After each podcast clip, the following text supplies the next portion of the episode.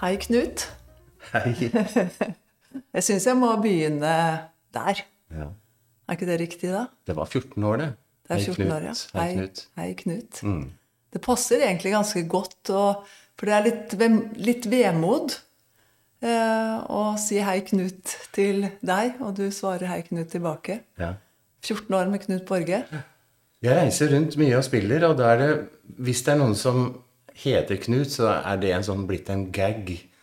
Da, da ber de meg om å, å dra den Hei, Knut, hei, Knut. For det ble liksom en eh, Det ble noe som veldig mange mennesker forholdt seg til. Vi tok det opp, husker jeg. Det var et opptak, så det var aldri Den kom servert på et fat hver gang vi startet programmet. Så det var ikke avhengig av humøret mellom dere to, om det var hjertelig nei, så, så eller ikke. mm, nei, den kan jeg slippe akkurat den sannheten der, da. Ja. At uh, det var rett og slett et sånt opptak vi gjorde i forbindelse med en Hva er det heter for når man lager et prøveprogram? En pilot. En pilot, ja. En pilot. Og da ble det tatt opp 'Hei, Knut, hei, Knut', og så ble den liggende inn i selve i, i åpningssekvensen, da, som vi bare, så vi ventet på at det var ferdig. Og så begynte vi å prate. Ja, og det høres jo Det er jo et eh, Vi snakker jo om bluesasylet her. eh, og det er jo et program som høres veldig liksom, ledig ut. altså I den forstand som at det liksom kommer til mens man sitter der. Men det er jo gjort mye juks og bedrag inni radioapparatene våre. Mm. Du, eh, Knut Reiersrud, for du har jo et etter, etternavn også. Jeg vet ikke om jeg trenger å liksom Ja, først og fremst da velkommen til Rikspodden. Så hyggelig. Ja, her i Riks, som er Riksmålsforbundets podkast. Eh, du trenger jo egentlig ikke noe nærmere presentasjon, men vi kan jo ta et, jeg kan jo ta et bitte lite sammendrag her. Ja. Musiker er vel med den største bokstaven kanskje om deg. Det er samlebetegnelsen. Eh, Gitarist, komponist, arrangør, eh, produsent. Eh, du er en mann man ser på scenen eh, veldig ofte. Noen ganger alene, mange ganger sammen med andre. Mm. du har vel bidratt, så vidt jeg var innom Wikipedia og sjekka litt det der, bidratt til i alle fall 300 låter. Vet ikke Ja, om det, eller snakker du album? Snakker album. Vi snakker album, ja. ja. 300 album, Ja, så det er ikke mye. Mm. Men det er fordelt på 30, Nei, hva blir det, da? Det blir jo mer enn det. det er jo, så jeg, hvis du La oss si jeg begynte i 1979. Mhm. Da har vel jeg altså vært med i, på 70-tallet, 80-tallet, 90-tallet, 00 50 år. Det er altså i seks tiår Ja. har jeg vært Det var seks, du endte med 60 tiår. Ja, 60, 6 tiår, ja. Ja. Mm. ja. Men iallfall 50 år. Ja, Så da syns du 300 høres egentlig rimelig greit ut. Det høres greit ut. Ja. Em, og så har du jo da altså, Og da er det norske artister du har jobbet sammen med, og utenlandske artister. Masse utenlandske artister òg. Og da har du en kø av liksom, nominasjoner til Spellemannspriser og kjempegode kritikker. Um, startet det første nominasjonen, kom den med Blå korall i 1991, ja. Og den gikk jo hele veien inn. Ja, og, og det er jo en plate som jeg som har jobbet i radio, har hørt veldig mange ganger. Den brukes ofte som lydspor på når noen skal lage et, eh, en litt blå eh, radioreportasje eller et program eller noe sånt. Ja.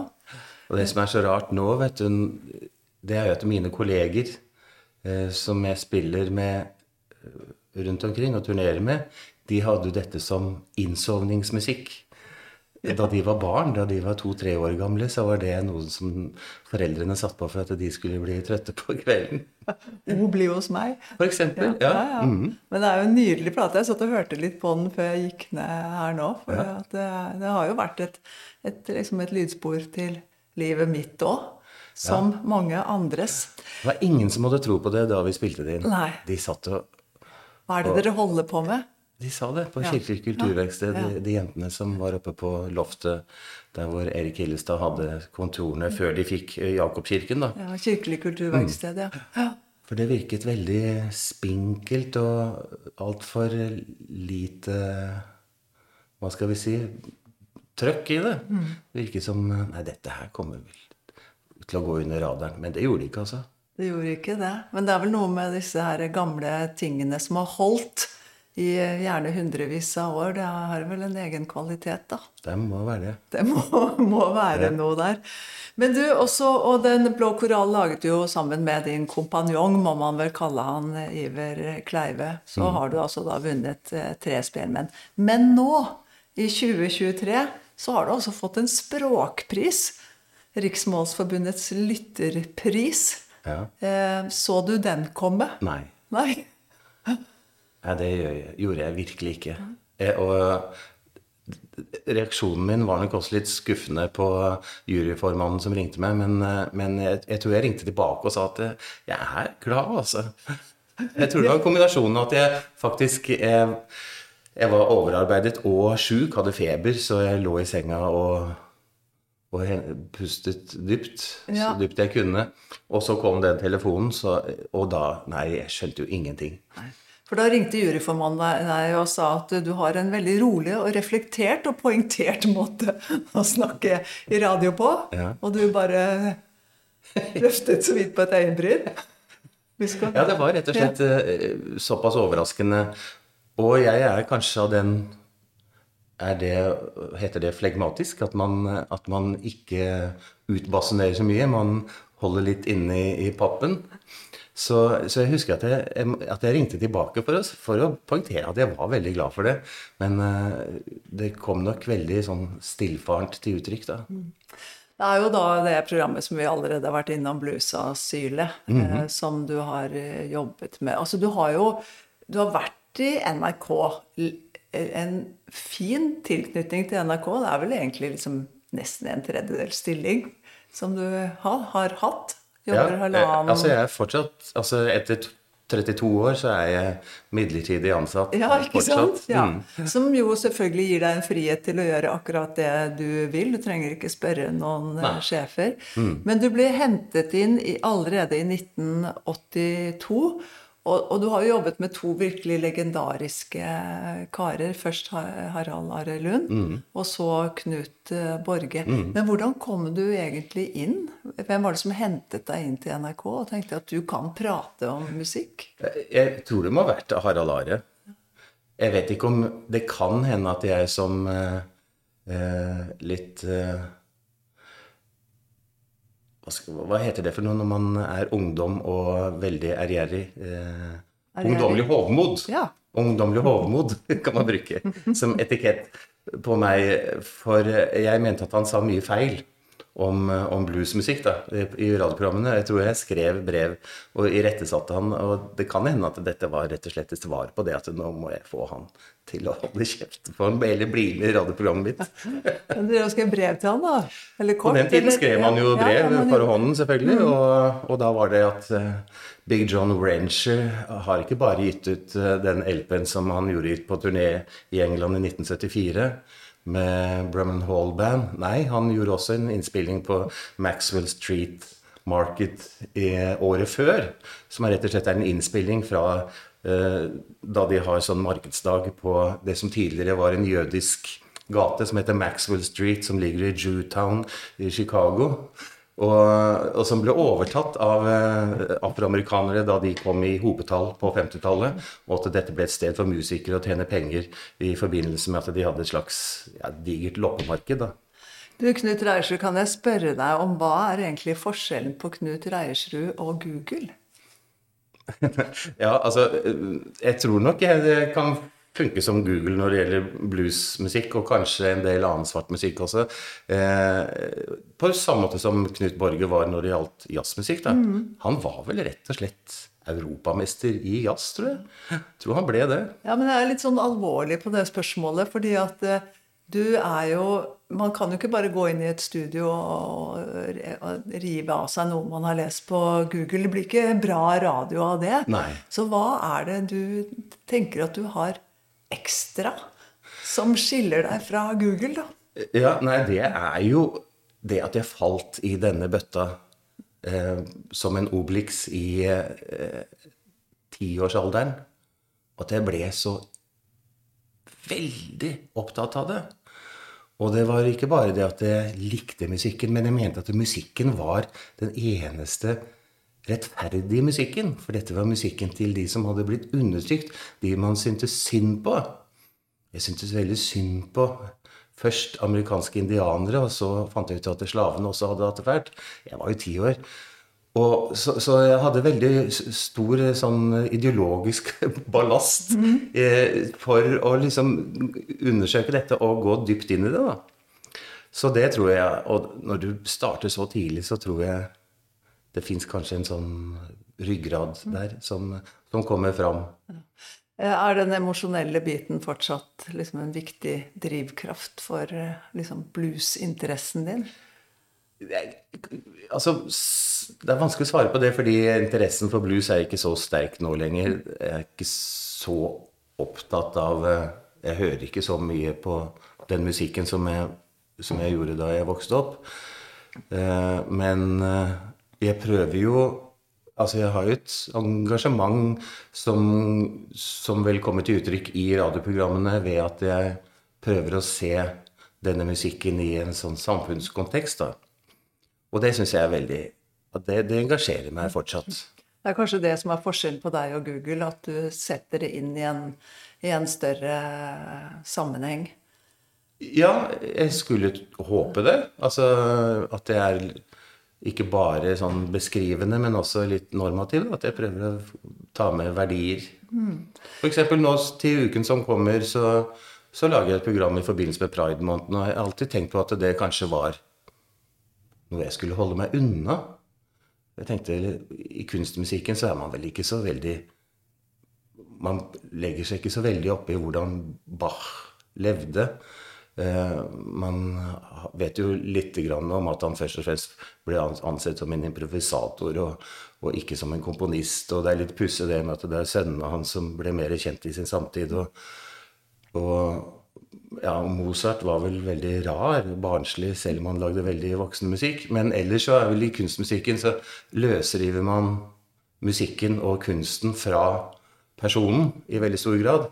Mens i folkelig musikk så er det mye mer knyttet til eh, miljøet du er i. det, det, er vel det som kalles for eh, vernakulær musikk, er det ikke det? Altså stedsbunden musikk. Mm. Og i og med at det har vært så vanskelig for eh, en del av disse arrangementene nå i, i juni, og ikke minst etter skytingen i fjor, da, så tenkte jeg at jeg, nå lager jeg et program om skeive i svart musikk. Mm. Men hva finner du da, når du leter der? I pride-historien, eller altså historien om uh, homofili og det å være skeiv i, i musikklivet? Det, har det vært en, et mer liberalt sted å være, f.eks.? I, I svart kultur? Mm. Ja, det er ganske paradoksalt interessant, fordi den afroamerikanske kulturen har noen uttrykksrom som du kan si den hvite Eh, mainstream-kulturen ikke har. Da. Det er større grad av frihet. Selv om hvis du f.eks. tar Den svarte kirken, da, som er veldig toneangivende i svart kultur, eh, så er jo egentlig den Pentacostal Church, som det heter, eller baptistkirken, de er jo ytterst konservative. Men det virker som ikke minst den Pentecostal, altså Church of God in Christ, at den har en evne til å Jeg vet ikke om det kommer gjennom en slags frigjøringsteologi som ligger allerede tilbake i slavesamfunnet. Men de har en evne til å la individet få lov til å i sterkere grad leve et individuelt, fritt liv, da. Så eh, en sangerinne som Sister Rosetta Tharp, f.eks., fikk jo la, lov til å leve dette dobbeltlivet. Eh, på, på, på, innenfor kjærlighetslivet. Mens det var en større utfordring for dem det at hun hadde også en overløper inn til verdslig musikk. At hun samarbeidet med Duke Ellington og sang på Cotton Club. Og dette var verre. Det var vel det som liksom gjorde at hun døde forholdsvis fattig da, etter å ha vært et, en stor, stor stjerne. Mm. Um, jeg satt og hørte på et av de tidligere bluesasylene som har sendt tidligere nå i, i, vår. Og da er du innom et, et av verdens største fengsler, eh, altså Part, Parchman eh, Farm i, i Mississippi. Eh, og du sier jo at 25% av verdens fanger sitter i fengsel i USA. Altså det er et enormt mengde, og veldig mange av dem er, er eh, svarte. Eh, og da, det må jo være et arnested for, for nettopp for bluesen og liksom, historier om liksom, de tristeste skjebnene. Da. Mm. Ja, pluss at de er jo helt isolert. Så det, da det blir gjort opptak av et uh, folkemusikkpar, far og sønn, John og Alan Lomax, allerede i 1933. Dette fortsatte de med inn på 60-tallet. I hvert fall sønnen fortsatte da. Alan Lomax. Så, så traff jo de eh, folk som hadde sittet inne i fengsel siden 1800-tallet. Og som aldri De har ikke forholdt seg til noe som foregår på utsiden. Var, de hadde ikke noe radio eller sånt. Så de, de hadde jo fortsatt sangene fra slaveriet og fra det var det de visste. Det var sånn, Verden hadde jo stoppet for dem, så de hadde jo fortsatt en verden inni seg selv som var forrige århundre, rett og slett. Så for den musikkopptatte så var det et funn, da. Det ble et veldig funn, ja. ja, det var det. Men jeg satt og leste, fordi at dette her er jo veldig inspirerende å høre deg snakke om dette her, så jeg fant en artikkel eh, da jeg satt og forberedte dette programmet her, hvor, hvor, det, hvor, viser til en, hvor de har intervju med en, en eh, en musikkviter som foreleser i blues-tradisjonen i amerikansk litteratur, nettopp i dette fengselet her. Jeg så det. Ja. Mm, du sendte det til meg på e-post. Jeg rakk ikke å gå inn i det. Men eh, jeg, men jeg, har hørt om at de har, at de har uh, Hva de kaller det for noe? Um, det er ikke så farlig hva det engelske ordet er. Men de har altså prosjekter hvor de går inn i fengsler og, og underviser i, i uh, F.eks. afroamerikansk musikkultur og slikt. Ja. Men eh, takk skal du ha. Du gjør jo verden litt større for oss som sitter og, ja, og hører på deg. Du, eh, eh, tenker du på en time radio? For det, altså, det er jo P2 klokka seks på lørdag kveld ja. fast. Det er, kommer året rundt. Mm. Du har ikke sommerferie heller? Jo, men da er det repriser. Da, da er det repriser, mm. ja. Eh, men tenker du på den timen med radio som en slags komposisjon? Som en, liksom en slags, eh, ja, et slags album? Ja, jeg tror jeg gjør det. Og det høres kanskje litt selvhøytidelig ut, men jeg prøver å se på det som en litt sånn en, Kanskje mer en diktsamling. Med en, med en bølge, da. Som, eh, og et høydepunkt. Mm. Og så kanskje at man roer litt ned, og så kanskje det kommer en liten fiskehale helt til slutt. En fiskehale. Mm. Hva er en fiskehale? En lite det, altså, det, er et begrep vi bruker i musikken. Ja. At, eh, at et, en storform skal se ut som en fisk. Det skal være en eh, start, og så kommer en crescendo, så vokser den til ryggfinnen. Og så, og så går den nedover og blir smalere igjen mot sporden. men til slutt skal det være en liten Skal det sprette ut igjen i, i noe som gir litt sånn liv videre inn i ja, så det er en sånn, det tenker du på at er, den skal ha litt av den samme formen et radioprogram? Ja. Ja. ja. ja. Fiskeform. Ja. Du har ikke tenkt på det? Nei. Nei, eh, Nei ikke sant? Det, det sier jo sitt. Ja.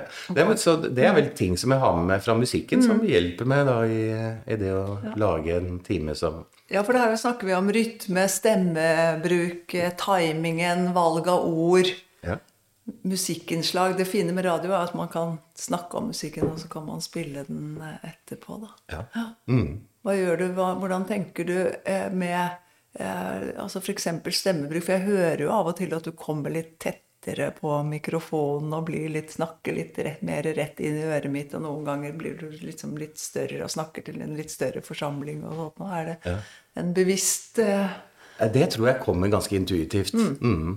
Det tror jeg ikke kjenner på. Men jeg, jeg har ikke en utpreget malmfull røst, malmfull røst sånn ellers hjemme i familien og sånt noe. Så sønnen min har en mye flottere stemme enn meg. Han er så ordentlig baryton, liksom. Men, men, jeg merker når jeg snakker i radio, når jeg har den muligheten med mikrofonen, at jeg går ned en Kanskje en kvart, som det heter. Mm. Går ned fra E til H i, tone, i tonehøyde. Og så, og så Det er jo ikke til å stikke under en stol at det varmer jo litt mer hvis du har litt dypere røst, da.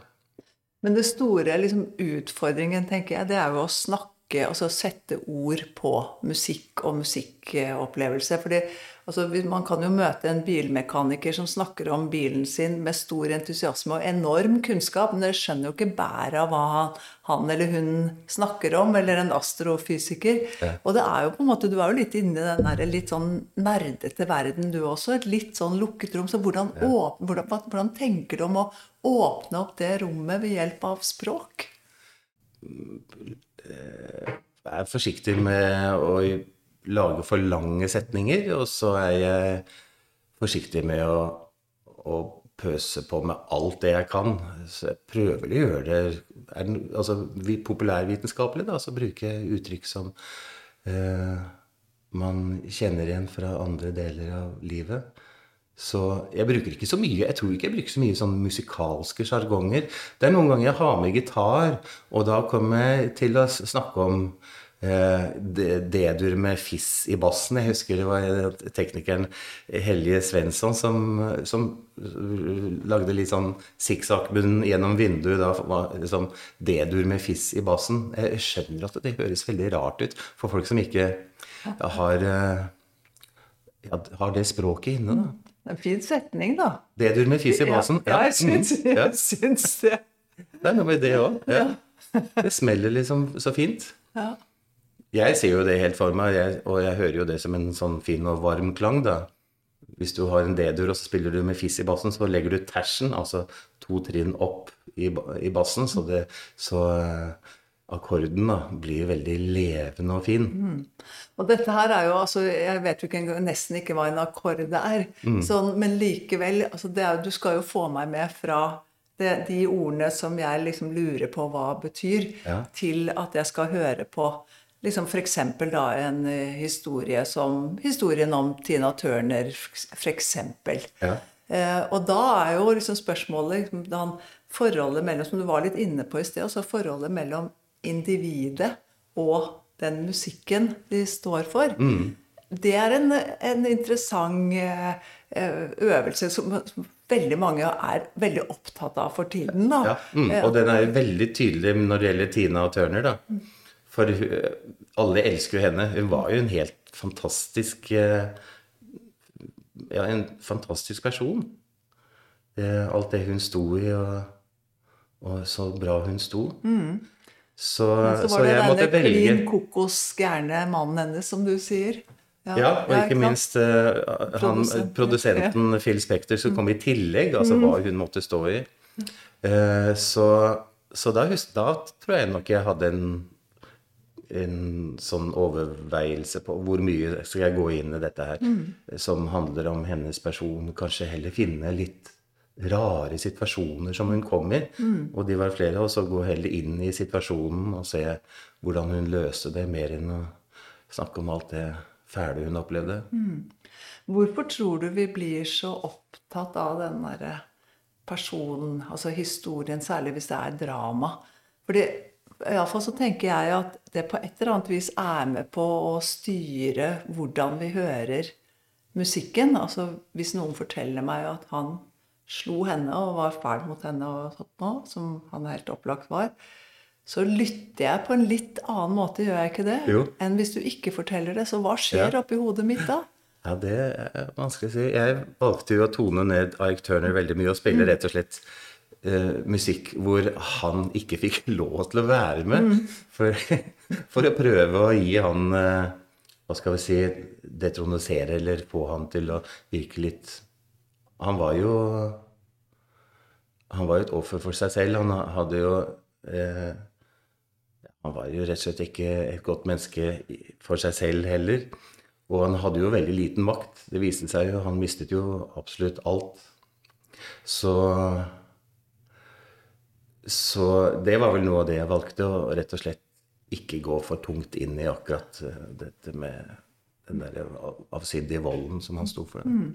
Men så kunne du jo fortelle at du var og så henne på konsert da hun var her i 1980, på Momarken i 82 og Konserthuset i 83, tror jeg. Ja, jeg var på Konserthuset i 83. Ja. Mm, jeg var ikke noe spesielt Jeg likte ikke spesielt godt, husker jeg.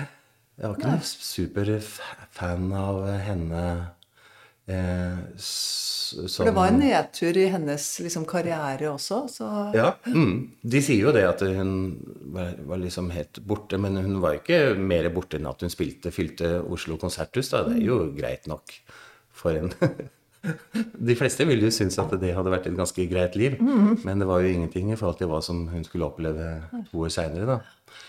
Men eh, nei, den pop-Tina Turner var jeg vel ikke så det er, Ja, det er rett og slett ikke mitt Nei. jeg syns det er litt sånn glossy, og jeg er ikke så glad i det lydbildet som skjedde på 80-tallet med veldig mange artister. Pøse på med synter og synthesizer og svære sånne overdådige lydbilder. Men det er jo, altså når man sitter og snakker om musikk og spiller musikk på, på radio, så er jo de som hører på, de er jo, kan jo Den ene kan ha mistet faren sin. Den andre kan ha akkurat giftet seg. Eller for å si det sånn Hvis du spiller den samme musikken i en begravelse og et bryllup, så vil det være to helt forskjellige typer musikk. Mm. hva- hvordan jobber du med det? Altså, du, for du vet jo det, at det er sånn det er. Ja, altså, jeg tror ikke jeg jobber noe bevisst på det. Altså, du mener nå i radio? Ja, jeg tenker når du både når du, altså når du sitter i radio, så kan du jo umulig styre liksom publikum, hvem, hvilket modus eh, publikum mm. er i. Ja. Men du skal jo nå et, Det skal være litt sånn en, en, et, en, en lytter. Eh, Lytter der. Men du vet jo det fra konserter eller når du spiller også, at Ja, og eh, jeg spiller veldig mye begravelser. ja. For det er veldig mange som ber meg om å komme og spille i begravelser. Jeg, jeg liker det veldig godt. Det er Ja. kanskje en rar ting å si, men jeg liker å spille i begravelser. ja, for, for en bluesmann så er kanskje ikke det så Nei, det, overraskende. det kanskje, kanskje mm, ehm, Så Og veldig mange ber meg om å spille litt lyst. Litt sånn eh, Noe som er i bevegelse som liksom skal få den avdøde videre. Da. Så gjerne en, noe som har litt rytme og litt driv. Som eh, Det eh, tror jeg de ber om i større grad enn enn, eh, Kan ikke du spille så trist som mulig, så vi kan gråte? Det er veldig få som ber om det. Men hvorfor liker du det egentlig? Eh, Jeg har ikke noe godt svar på hvorfor jeg liker det. Det har bare blitt eh, noe jeg gjør ganske ofte, og jeg syns eh, det har bare blitt bedre og bedre å gjøre det. Jeg liker den Kanskje jeg liker det alvoret eller den At det, man er så stille. Jeg liker at det ikke klapper etter at jeg har spilt. Det tomrommet som kommer der, syns jeg er helt så der som å være i en fallskjerm. Det syns jeg er veldig fint. Og Kontemplativt er kanskje det uttrykket som, som jeg, altså Når man kan uttrykke musikk kontemplativt, så, så er det noe av det fineste jeg vet. Egentlig så tenker jeg at vi kan avslutte med de setningene der, Knut Reiersrud, for det var veldig fint eh, sagt. Eh, må få lov til å gratulere deg en gang til med lytteprisen. Eh, Tusen takk. Det var, det var en så gøyal kveld. Det var helt fantastisk. Ja, vi, vi, det ble, du ble jo feiret sammen med de andre vinnerne. Går inn i en lang og, og god eh, tradisjon. Har det forandret deg litt nå etter at da du gikk tilbake igjen i studio etter å ha fått lytteprisen? Ja. det tror jeg. Ja, jeg, jeg føler at det presset er litt større på at jeg må Nå, nå må jeg virkelig fortjene dette. Så, så, så Og det må jeg si er en fin effekt. Hva er eh, Altså, eh, du har jo helt klart noen helt særegent gode musikalske kvaliteter, men hva er ditt, eh, din språklige kvalitet, tenker du? Altså, eh, altså, når det gjelder å snakke i radio, så tror jeg folk opplever meg som eh, At jeg snakker veldig naturlig. eh, Snakker som, sånn som vi snakker sammen nå. Eh, helt, altså hver, Naturlig hverdagsspråk, tror jeg man kan kalle det. Eh, og ujålete. Jeg tror, jeg tror det oppleves som litt sånn julejålete språk. Ujålete språk. Veldig fint. Tusen takk skal du ha, Knut Reiersrud. Takk skal du ha. Rikspodden kommer på luften med sjenerøs støtte fra Tor F. Dahls kulturbibliotek, Bergesen-stiftelsen og Fritt Ord.